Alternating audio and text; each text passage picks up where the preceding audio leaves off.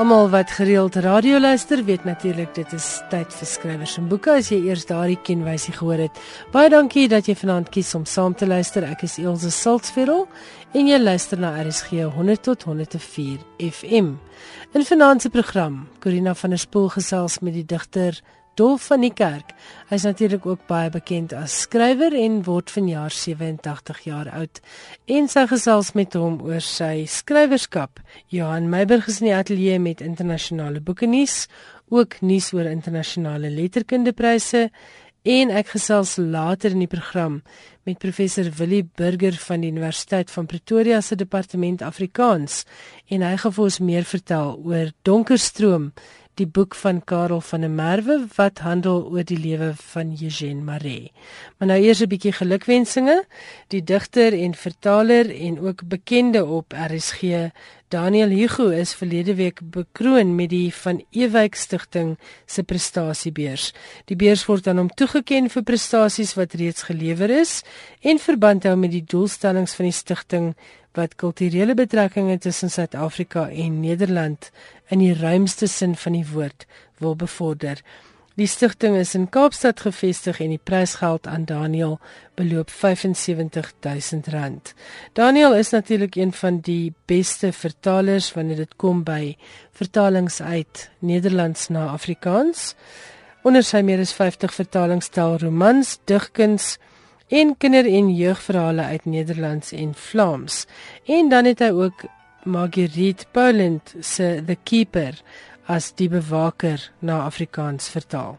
Hy is in 2014 deur die Akademie vir Wetenskap en Kuns bekroon vir sy vertaling van Tom Lenoy se Sprakeloos en hy werk tans aan die Vlaamse skrywer Stefan Hertmans se Oorlog en Terpentyn wat hy in Afrikaans vertaal. Baie geluk aan Daniel Hugo. Nou sonder enige verdere omhaal gaan ons luister na Corina van der Spool se onderhoud met die skrywer en digter Dolf van die Kerk. Corina het met hom gesels oor sy skryfloopbaan en die idees wat rigting gegee het aan sy skrywerskap. Lekker luister. Vandag het ek die voorreg om die skrywer Dolf van die Kerk by my in die ateljee te hê. Dolf van die Kerk is gebore op 22 Februarie 1929 in Edenburg in die Vrystaat. Eerskomende Februarie sal hy 87 jaar oud wees. Baie welkom by ons. Dolf. Baie dankie. Dankie Corina. Jou skryfloopbaan strek oor byna 70 jaar, 7 dekades. En dit het begin met jou debuut in 1958 met Gannaflei.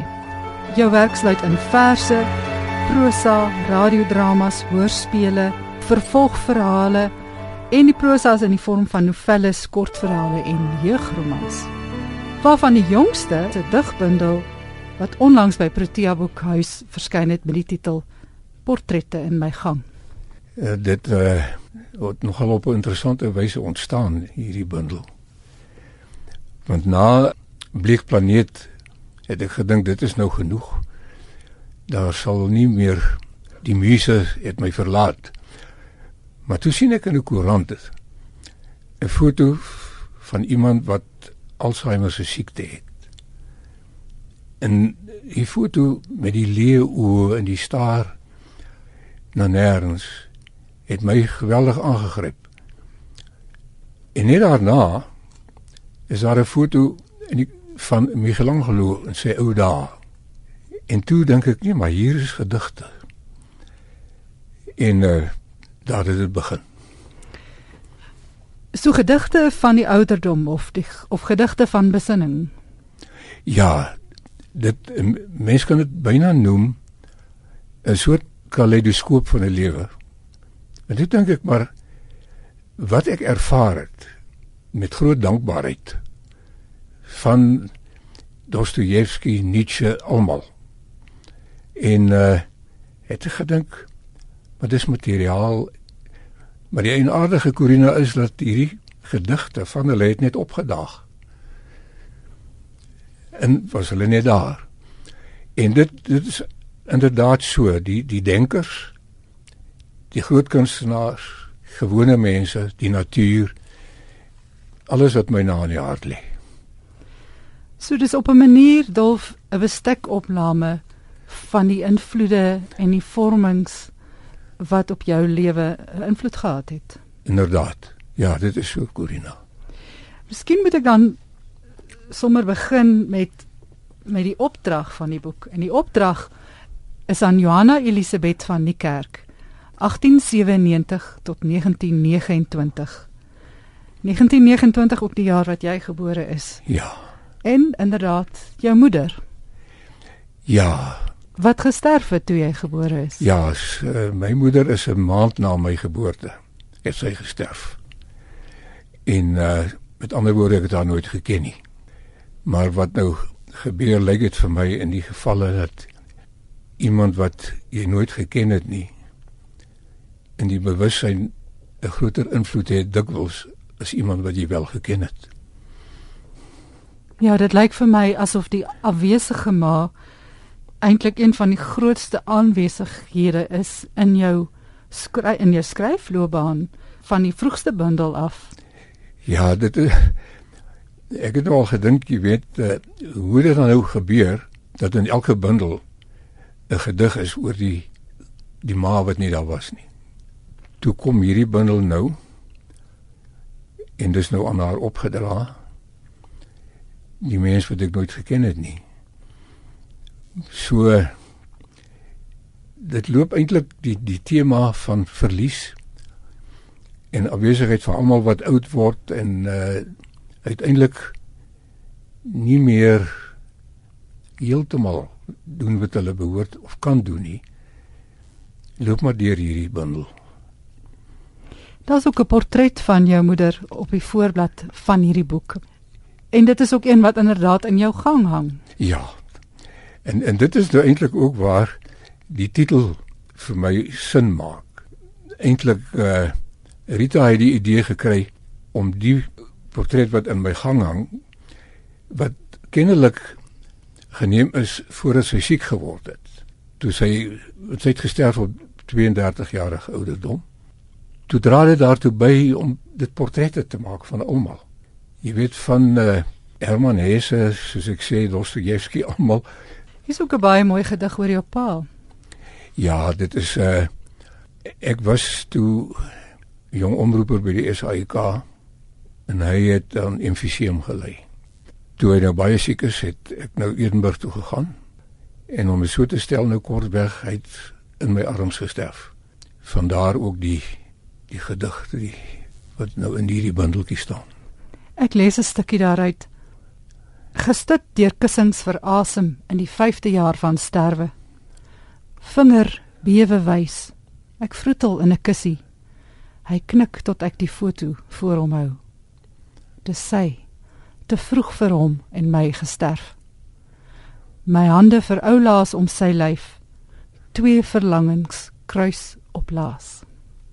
Dwars deur jou werkdorf loop daar 'n filosofiese draad, 'n lewensuitkyk wat veral handel oor die lotsbestemming. Ek dink aan selfs van jou vroeë boeke soos die son struikel en skrik kom huis toe staan die buitestander sentraal. Hoor maar in die motto's. Hier is die motto van die son struikel. Die buitestander se groot begeerte is om tuis te kom, maar gebeure in sy lewe werp hom in eensaamheid en vervreemding. Wil jy meer sê oor hierdie tema van die buitestander?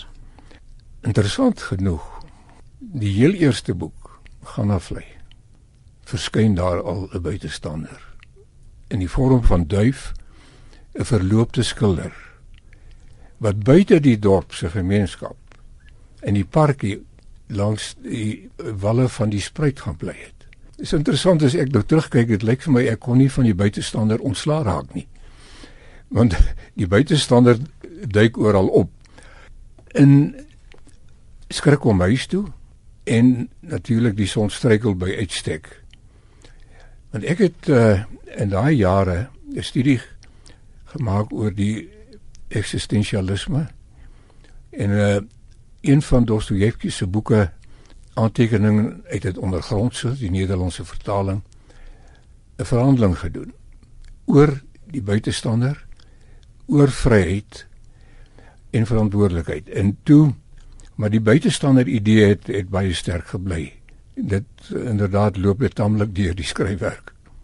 In die nuwe bundel Portrette in my gang is daar 'n vers met die naam Muse waarin daar gepraat word oor Dostojewski, oor Nietzsche, oor Camus, oor Sartre, die ikone van die eksistensie van die eksistensialisme. Ja. En dan lees jy 'n vers Ek probeer om stories en aforismes te versamel, die onpylbare woord in wonder en misterie. In elke storie en gedig gryp maar met ander woorde na 'n ou bewussyn terug. Ja. Jy kom nie daarvan weg nie van vroeg van gaan af vlei tot nou. Ja. Wat beteken die eksistensie vir jou? Ja, dit is dit is 'n wye onderwerp, maar vir my gaan dit oor die enkeling is weg na homself. Maar soos ek ook sê, die woord wat gebruik word deur die eksistensialiste, die Duitse woord is geworpenheid. Jy is as dit ware ingegooi in die lewe, in die wêreld. En uh, daar is sekere dinge wat jy nie kan ontkom nie, wat jou vasvat. En dit is waar Dostojewski in daai boek van hom vir my eintlik aangegryp het is dat waar in lê dit dis 'n soort vryheid is deel van die eksistensiële begrip. En dit uh, het was vir my 'n baie belangrike gedagte. Een van jou bekendste boeke, Die son struikel, is vir generasies van skoolkinders voorgeskryf. Vir my is Diederik Versveld in Die son struikel 'n intrigerende karakter. Dis iemand wat eintlik buite beheer van sy omstandighede voel. Ja. En ontheemd is, hy nêrens tuis voel nie en uiteindelik sy toekoms willekeurig bepaal, naamlik sy dood. Ja, dit is daar het 'n mens nou die geworpenheid, né? Hy is in 'n situasie as dit ware noem dit nou maar so want die woord ook, kom ook in die boek voor ingesmyt iewers en die omstandighede rondom hom het hom al meer 'n buitestander gemaak. Die Engelse woord outsider is hier as dit ware ter sprake uh, wat al in die letterkunde baie voorkom. En en dit dink ek is universeel. Die mens wat traumaties as dit ware in die lewe moet inloop as as jongeling en so en uit wat met hom gebeur het. Maar uiteindelik is die groot gedagte ek wil tuis kom. Ek soek 'n ek soek 'n plek waar ek kan tuis kom, waar ek kan tot rus kom. In sy geval kon dit nie. En soos jy reg sê, hy bepaal toe sy toekoms. En sy van sy slotwoorde is natuurlik 'n gryp na die beeld van God. Ek dink 'n mens kan tereg sê dat jy op 'n manier die skrywer van die Karoo is. Ek dink dit het dalk te doen met dat jy kom uit daai Suid-Vrystaat wat al amper so Karoo-agtig beginne word. Maar iets van daai ruwe, barre, gestroopte landskap kom altyd weer terug in jou boeke. Wil jy iets daaroor sê en wat dit vir jou beteken? Ja, ek uh, sal dalk te veel daaroor kan sê. Corina want uh, ek beskou die Karoo as my hartland. En dit gaan oor ruimte in die diere, in die plante en die geskiedenis van die Karoo lewendig, lewend, maar in my werklewe het ek met die Karoo te doen gekry. Ek moes dikwels programme ook vir die radio daaroor doen. En toe het ek lief geword vir daai wêreld. En dit is vir my as die kinders sê vir my is ons nou 'n bietjie see toe wil ry dan sê hulle nee maar vlieg dan nou af en jy weet ons sê julle daar by die lughawe kry. Dan sê ek vir hulle nee ek is nog nie oud genoeg om oor die Karoo te vlieg nie. Ek moet deur die Karoo ry. Dan een van die eerste gedigte in die bundel 'n eh, Karoo sange is eintlik noem dit nou maar die versigtiging van die Karoo boer. Wat sê as ek vandag na 40 jaar in die Karoo moet afskeid neem? Hoop ek U het vir my iewers 'n droë plekkie en 'n paar mofskape. Jou werk het altyd te doen met die aarde waarop ons loop. Dit dit dit praat absoluut oor die natuur, oor dit wat 'n mens ervaar en wat 'n mens kan sien. So is die kwessie van grond en ons verhouding met grond kom steeds na vore in jou gedigte. Ek dink nou aan die die reeks elegie vir 'n verlore aarde van in jou bundel dubbelster waarin die Indiaanse hoofman Seattle die dood van die aarde voorspel. Ja. Hoe profeties is dit nie nou nie? Ja, ontstellend. Ja, met hierdie gedig word kwessies waarmee ons nou in post postkoloniale tye worstel poëties verwoord. Jy weet, uh, miskien moet ek nou maar die gedagte rondom die tema gaan haal by 'n siklus gedigte wat ek in 1955 geskryf het. Dit het in 1959 in die tydskrif Standpunte verskyn. In 'n tydperk in die jare 50 toe daar die tydperk was van baie mense wat hulle plase moes verlaat, hulle grond moes verlaat en die grond is opgekoop deur wat ons genoem het grondbaronne wat leeg gelê het wat nie jy weet dit was 'n soort van sal ek amper sê 'n afstoot van wat jy het van die van die van die aarde van die grond. En toe loop dit nou deur. In Karoo sange het dit ook al voorgekom Maar toe kry ek van een van ons landbouattachés in Suid-Amerika hierdie bladsytjie wat twee bladsytjies wat hy vir my stuur per pos wat 'n eerwaarde Smith in Amerika aangeteken het van Seattle wat met sy mense gaan praat het oor afskeid van hulle grond. En dit het my ontsaglik aangegryp. En snaaks die, die laaste boekie waaraan ek werk, gaan oor die ding. Dit is altyd vir my 'n vraag gewees. Kan jy die aarde, die planeet, kan jy die grond besit? Wat is besit? Ons kan hom nie besit nie. Ons is net uh, as dit ware settlers wat dit mag of kan benut maar ons kan dit nie besit nie. En dit is nogal 'n saak wat ek het ook in in die proefskrif waarin ek wat gegaan het oor bewaring as 'n sedelike beginsel. Het die tema sterk na vore gekom oor wat doen ons met hierdie aarde waarop ons geplaas is. Want dit is dit is vir my die verhouding mens aarde en gees. Daar lê vir my 'n driehoek. Ek was uh eh, 5 jaar oud toe my pa een sonoggend vir my saam neem veld toe in die in die kamp waar die, die dorpie se koeie gewy het. En daar het ek bewus geword.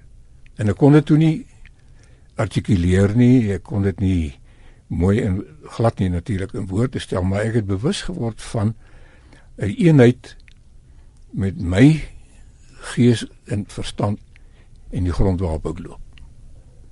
En ek dink dit nogal het my eintlik bygebly ook. En op verskillende fasette later natuurlik ontwikkel.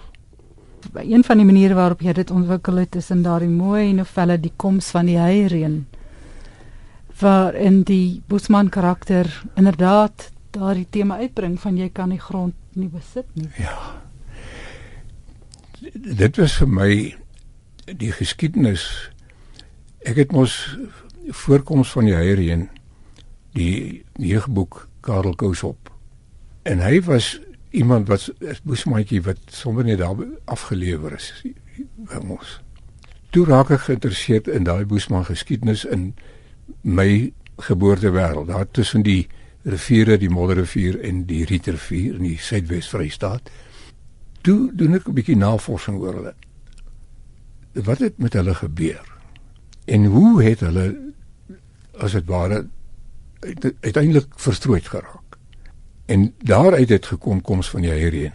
Hierdie sanman wat kom soek het na die tekening van die eland. En dit is eintlik dink ek 'n metafoor vir hy wil tuiskom. Hy moet Waar sy grond? Waar was hy? En dis mos maar die mense geskiedenis. Dit uh, het toe op 'n tragedie uitgeloop want uh, selfs die man wat hom sou verdedig het in die hof het hom nooit begryp nie. Nie geweet waarom dit vir hom gaan nie. Goed, toe uh, het uh, Peter Miller my daarna gebel. En vir my gesê, "Dolf, jy moet eendag die Boesman huis toe bring." En toe 10 jaar gelede het ek die boek Turf begin. Wat daai tema aan. Maar toe het ek nou baie meer navorsing oor die Boesmans gedoen. En toe kom er, al hierdie digbundels nou tussenin. Mm. en na 'n uh, portret aan my gang toe toe pak ek weer die boek. Dit dit is nou die die die, die ding oor hierdie Boesman wat deel word van 'n familie se geskiedenis. En dit loop deur tot die huidige tyd van grondeise en aansprake op grond. Steeds rondom die vraag wie kan wat besit, maar dit gaan dan nou om wie was eerste daar? Wie se nou was dit? Wie het dit bewerk? Wie het daarin geleef? En uh, dis baie interessant. Hoe daai boesmos die kousops die grootvader se naam was Gamoop en Kousop se ander naam was Skeelkobus en hulle is in die boek wesentlik ingetrek. Tot die einde uh, waar hulle die grondeis kon teë staan omdat hulle kon bewys dat Kousop was eerste daar. So ek ek dink ek het die boesman tuis gebring. Om af te sluit en voordat ek jou gaan vra om 'n eh, om 'n gedig te lees wil ek tog teruggaan na een van jou vroeë boeke en dit is Skrik kom huis toe. En skrik is 'n duif, is 'n posduif. En Dolf, ek het jou leer ken as iemand wat wat met duwe boer en wat met vliegduwe boer. En dit dit is 'n mooi storie van 'n seentjie wat 'n duif kry en die duif word iets waaraan hy hom kan heg en wat vir hom iets beteken wat het die duiweboerdery en die duiwevliegery vir jou beteken? Dit lyk vir my hulle is 'n soort metafoor. Ek dink skrik daai duif wat mos nou wegraak en as hy soek is 'n metafoor vir die seentjie. Sy soek na 'n tuiste nadat sy ma vroeg dood is. Die duif kom uiteindelik skrik kom huis toe. En op 'n subtiele wyse kom die seentjie ook tuis waar hy 'n totale uithuisige figuur was in sy eie huis is daar tog sal ek maar sê 'n moontlikheid van tuiskoms vir my wonderlike diere hulle slimmer as wat 'n mens dink. En daar daar is iets vir my omtrent huis toe kom. Uh aan die aan die aan die duwe nog al die jare gewees. Daar's 'n wonderlike gedig oor duwe in jou bundel Nag op 'n kaal plein. Hy dra sy duif in 'n karton, sy duif met spikkels op sy vlerke en oë wat 'n reënboog blink. Blindelings na die spruit waar hy sal wag tot die son opkom terwyl hy binne sterf van angs. Want sy duif moet los, sy duif moet vlieg uit die donker boks waar hy rondtrap om weg te kom na die son. Sal hy ooit die grond verlaat? Sal sy vlerke hom bo alles uit kan dra na die lug waar sy vlerkslag hom bo bossies en klip en water sal lig tot die vryheid hom vat soos 'n werwelwind en hom laat styg tot niks hom raak? Sal hy sy hok vergeet? Uit vreugde na al die horisonne sweef waar niks hom hou tot hy iewers in die onbekende gaan sit want hy het gevlieg gevlieg soos hy wou is dit nie maar 'n metafoor vir die menslike verlange nie. Die soeke na soos jy wil. Dolf, jy het 'n lang skryfloopbaan waarin jy steeds kyk na die sin van die lewe vir die individu. Waar is jy nou?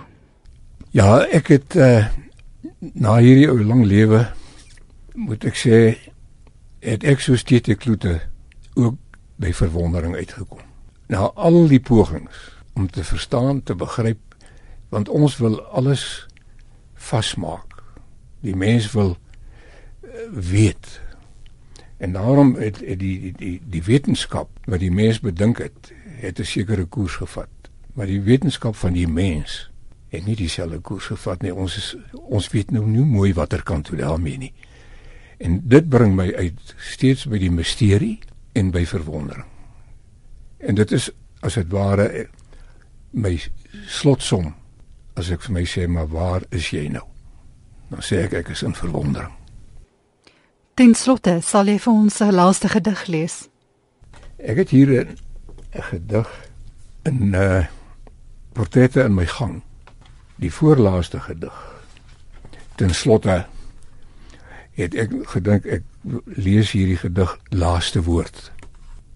Bo aardse wind uit oorsee waai deur my lyf dat ek deursigtig voor my spieël vel en pees van jare moet verduur. Ek soek agter ou oë en ribbekas nog jeug wil met die albatrosse vlieg na stormwaters van die gees en duik in gevaarlike getye van denke en dade nou dat die liggaam so maklik meegee. Opstand, weerstand te vergeefs. Maar tot die laaste bietjie weet en asem die lyf verlaat om na sy oorsprong terug te keer, sal die gedig nog van onsterflikheid leer. Wat 'n voorreg om iemand met wie se verhale ons groot geword het, vanaand in skrywers en boeke te kon hê. Corina van der Spool het met Dolf van die Kerk gesels en het voorgeles uit sy jongste digbundel Portrette in my gang. Dit word uitgegee deur Protea Uitgewers en kos R150. En jy luister na ons op RSG 100 tot 104 FM. Ons koop vanaand af met 'n splinternuwe reeks gesprekke. Ek gaan voortaan gereeld gesels met professor Willie Burger die hoof van die departement Afrikaans aan die Universiteit van Pretoria. Nou Willie is nie 'n onbekende hier op skrywers en boeke nie. Ek het al 'n paar keer met hom gesels en baie luisteraars sal hom ook ken as die boekeman van die tydskrif Vrouekeer. En ek en Willie deel nogal 'n passie daarvoor dat gewone mense net aan die lees moet kom. Maak nie saak wat jy lees nie, lees net. En daarom het ek hom gevra om 'n bietjie met ons te kom gesels oor besonderse boeke wat hy raak gelees het. Vanaand skop ons af met 'n gesprek oor Donker Stroom, die boek van Karel van der Merwe wat handel oor die lewe van Eugène Maree. Ondrein alle luisteraars weet wie Eugène Maree is. Dit is een van daai boeiende enigmatiese figure in die Afrikaanse literatuurgeskiedenis. Eugène Maree word meestal voorgehou en ontrent alle kursusse letterkunde as die skrywer van die eerste ware estetiese gedig in Afrikaans. Ehm um, Winternag en en almal ken ontrent die gedig. Ek dink aan daai opname van die gewildste gedigte, die 100 gewildste gedigte O wat ja, destyds so gemaak is. jaar gelede, nee. Is is Winternag, ek dink een van die heel hoogstes daarop gewees. Almal ken amper die gedig ook. En dan is die die film soos wat onlangs vertoon is ook die Wonderwerker, wonderwerker. Ehm um, wat wat 'n baie interessante figuur van Maree maak. Gewoon aan die een kant omdat hy as digter onthou word, as skrywer van kortverhale veral daai storieetjies wat uh, saamgevat is toe van Wyk Lou hier in die vroeg 60er jare geskryf het oor die Afrikaanse prosa en of in die laat 50er jare eerder. Het hy geskryf oor die Afrikaanse prosa en gesê dit het so vasgelooptyd en dit is maar mm -hmm. altyd hierdie gemoedelik lokale realisme waarin dit sit. Dan maak hy die uitsondering en sê daar is daardie bundeltjie van Eugène Maree met die bekende stories soos Klein Rita alleen in die roerkuil en mm, daai mm. wat hy sê iets heeltemal anders doen, daar gebeur iets anders. So Maree word altyd nog beskou as invloedryke digter, maar ook invloedryke skrywer in Afrikaans. En weer soos met Ingrid Jonker, ietwat van 'n tragiese figuur met 'n hele misterie rondom hom. Wat het van hom die mens gemaak wat hy is en sy verslawings en sulke goed. Presies, dit is dis die punt ook en ek dink uh, Leon Rousseau se uh, biografie oor hom wat uh, in die 70er jare verskyn het en en is een van die mees wydgeleese uh, Afrikaanse mm. biografieë. En met verdienste ook. Dit is 'n baie goeie eh, goed geskrewe boek. Dit lees ook soos uh, baie meesleurend. Maar daarin ook die die hele idee en die misterie rondom ehm um, uh, Maree Ehm um, en en ek dink daar was ook 'n reeks gemaak vir TV destyds. Ek dink Katinka Heinz het dit nog vervaardig. So daar was ja. daar was al dikwels hierdie enigma rondom hom. En dan wat hom boonop ook nog in die in die nuus gehad het, is juist die feit dat hy ook 'n soort wetenskaplike skrywer was. Hmm. Ja, die siel van die meer, die siel en, van die meer ja. en die burgers van die berge, die ja. werk wat hy oor die Bobbejane gedoen het en dis meer. En en daar rondom was daar nog boonop hierdie hele plagiaat uh, idee dat sy werk ook gesteel is. Kyk, van sy werke destyds hierdie hierdie hierdie werk soos die siel van die muur mm. het hy as maand of weeklikse of maandelikse bydraes vir die huisgenoot geskryf in 'n soort van 'n reeksformaat. Goed, daai tyd was die kopiereg wetgewing ook nie soos wat dit vandag is nie, is is dikwels herdruk in Europa en en hierdie reeks van hom is ook in in België weer uitgegee en daar het Materlink wat die Nobelpryswenner was, ehm um, daarop afgekom en dit geplagieer. Dit is uh, uitgegee later as sy eie werk en daar was baie jare dispute en bespiegelings daaroor. Met ander woorde um, Marie was die slagoffer van plagiaat. Ja, dat is dit ja, nou net mooi ja, duidelik nee, stel. Hy het nie plagiaat gepleeg nie. Materlink het nooit sy nooit sy voet in Afrika gesit nie, maar 'n boek geskryf Ges oor die mure wat uh, die wit mure uh, wat in net in Afrika voorkom. En waarskynlik gehoop hy gaan nie uitgevang word nie, want daar was well, nie 'n Google destyds nie. En, ja. En en, en hy het uh, sy groot roem ook daaroor verwerf. Trouens het dit nogal baie invloedryke werk gewees. Die hele idee later van the global village hmm. um, wat uh, gevorm is is ook gebaseer op hierdie werk van Materlink wat die idee gehad het dat die hele muurnes as 'n geheel, as 'n amper as een organisme gesien moet word en nie as uh, die muurtjie op ja, sy ja, en en en, en, en daai idee het eintlik van Maree se werk af gekom. So hy was 'n baie invloedryk eintlik uh, in die rek mm. omdat hy nog plagieer is. Mense weet nie altyd daarvan nie. Ek dink uh, mense weet altyd van Gorillas in the Mist en daai ja, Fossie ja, ja. en daai soort werk en sy erken ook in haar boek die invloed wat hy gehad het ook as as 'n soort vader van die etiologie.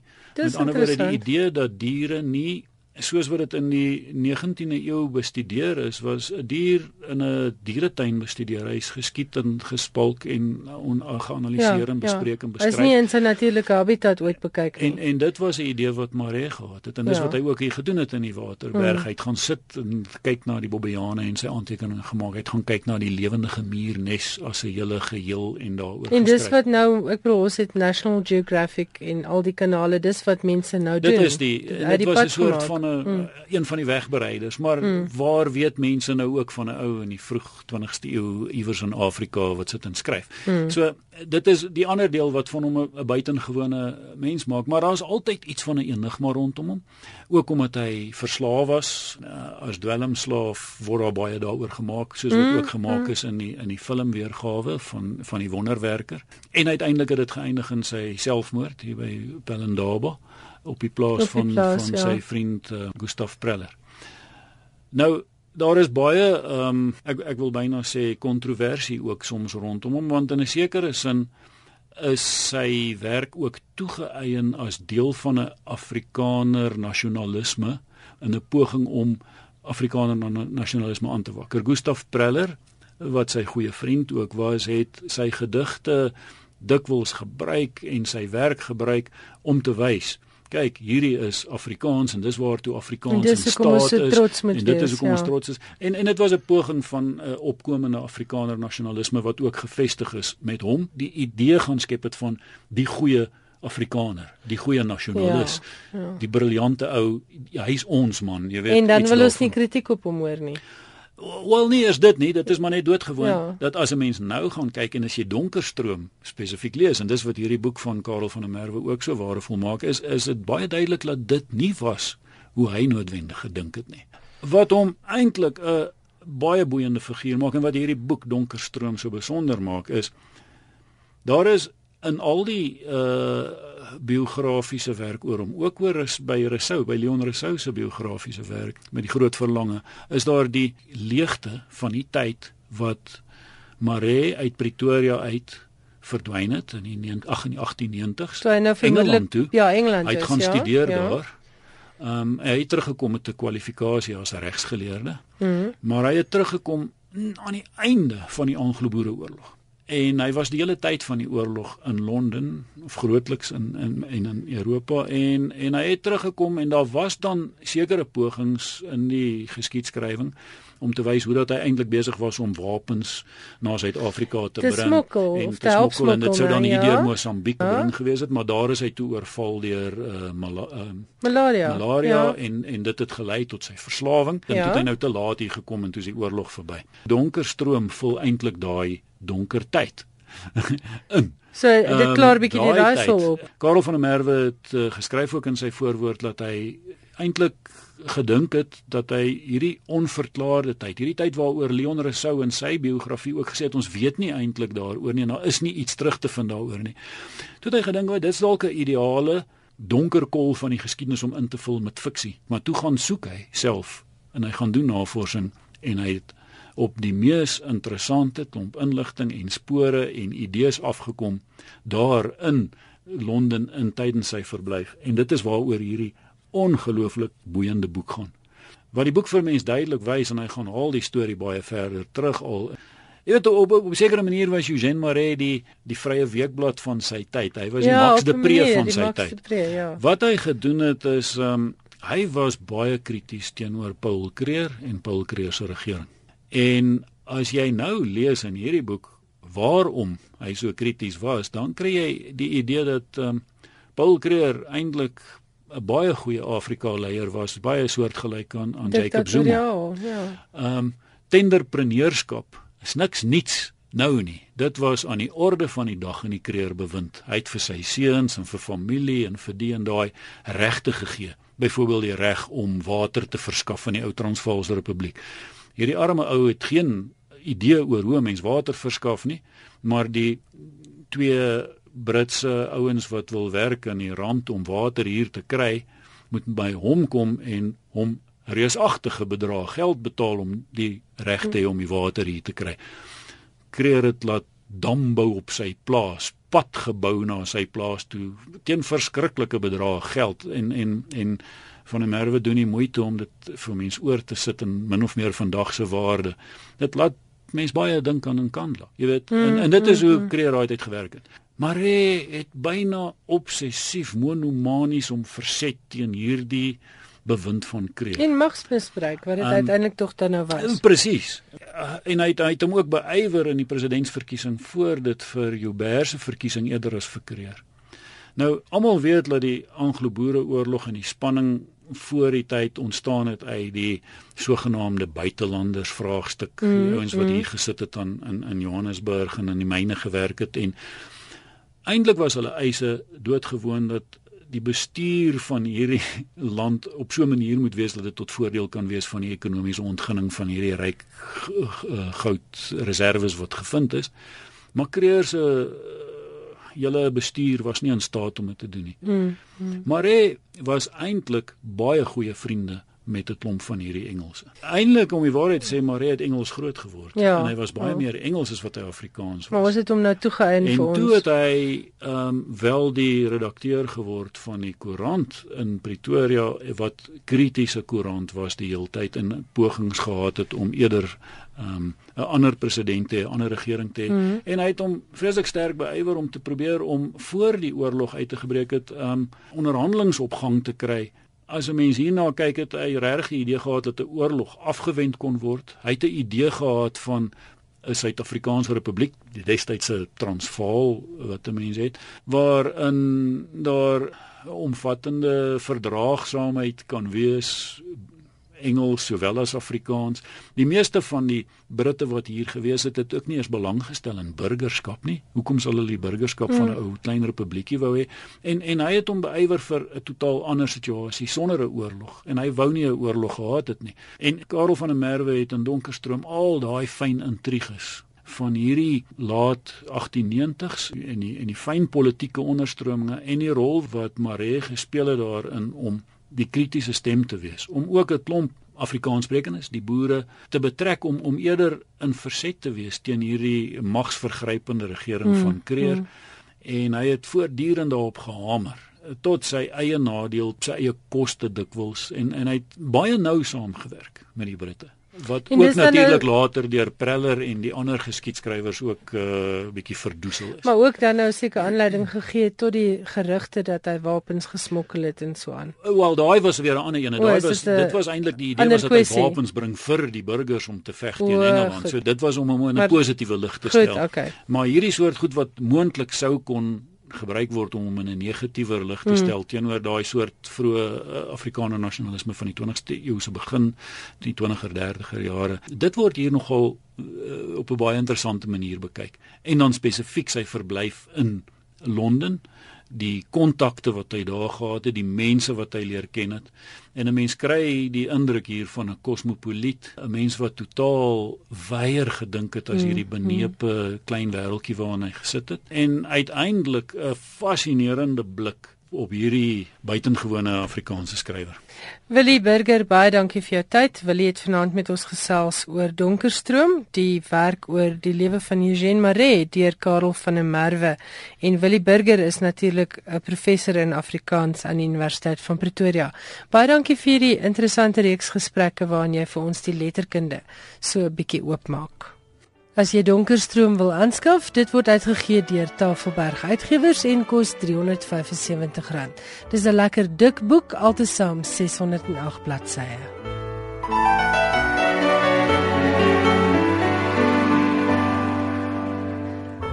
Jan Meiburg, welkom in die ateljee. Hierdie week gesels jy onder meer oor 'n paar oorsese literêre pryse. Dis reg, baie dankie Ilse. Die Nederlandse PC Hoofprys is toegekend aan die Surinaamse skrywer en digter Astrid Roemer. Die prys, een van Nederland se vernaamste literêre pryse, word jaarliks toegekend aan 'n skrywer vir sy of haar oeuvre. Die 68-jarige Roemer het in 1970 gedebuteer met 'n digbundel Sassa myn aktuele sein. Dis opgevolg met 'n roman Neem my terug Suriname en sy het elke jaar of 4 daarna 'n bundel of 'n roman die lig laat sien.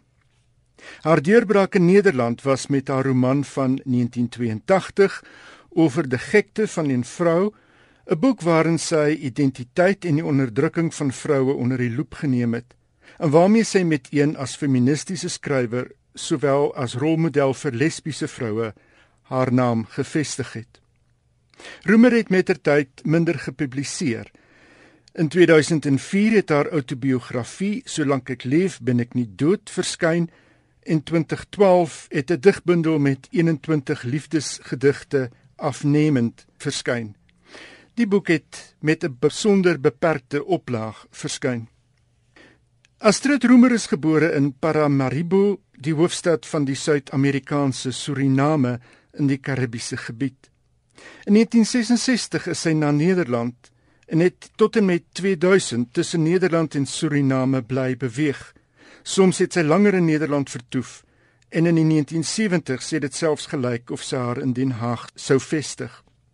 Die afgelope 15 jaar was Roemer uit die openbare oog en het sy soos sy later gesê het met haar kat, skootrekenaar en rugsak gereis.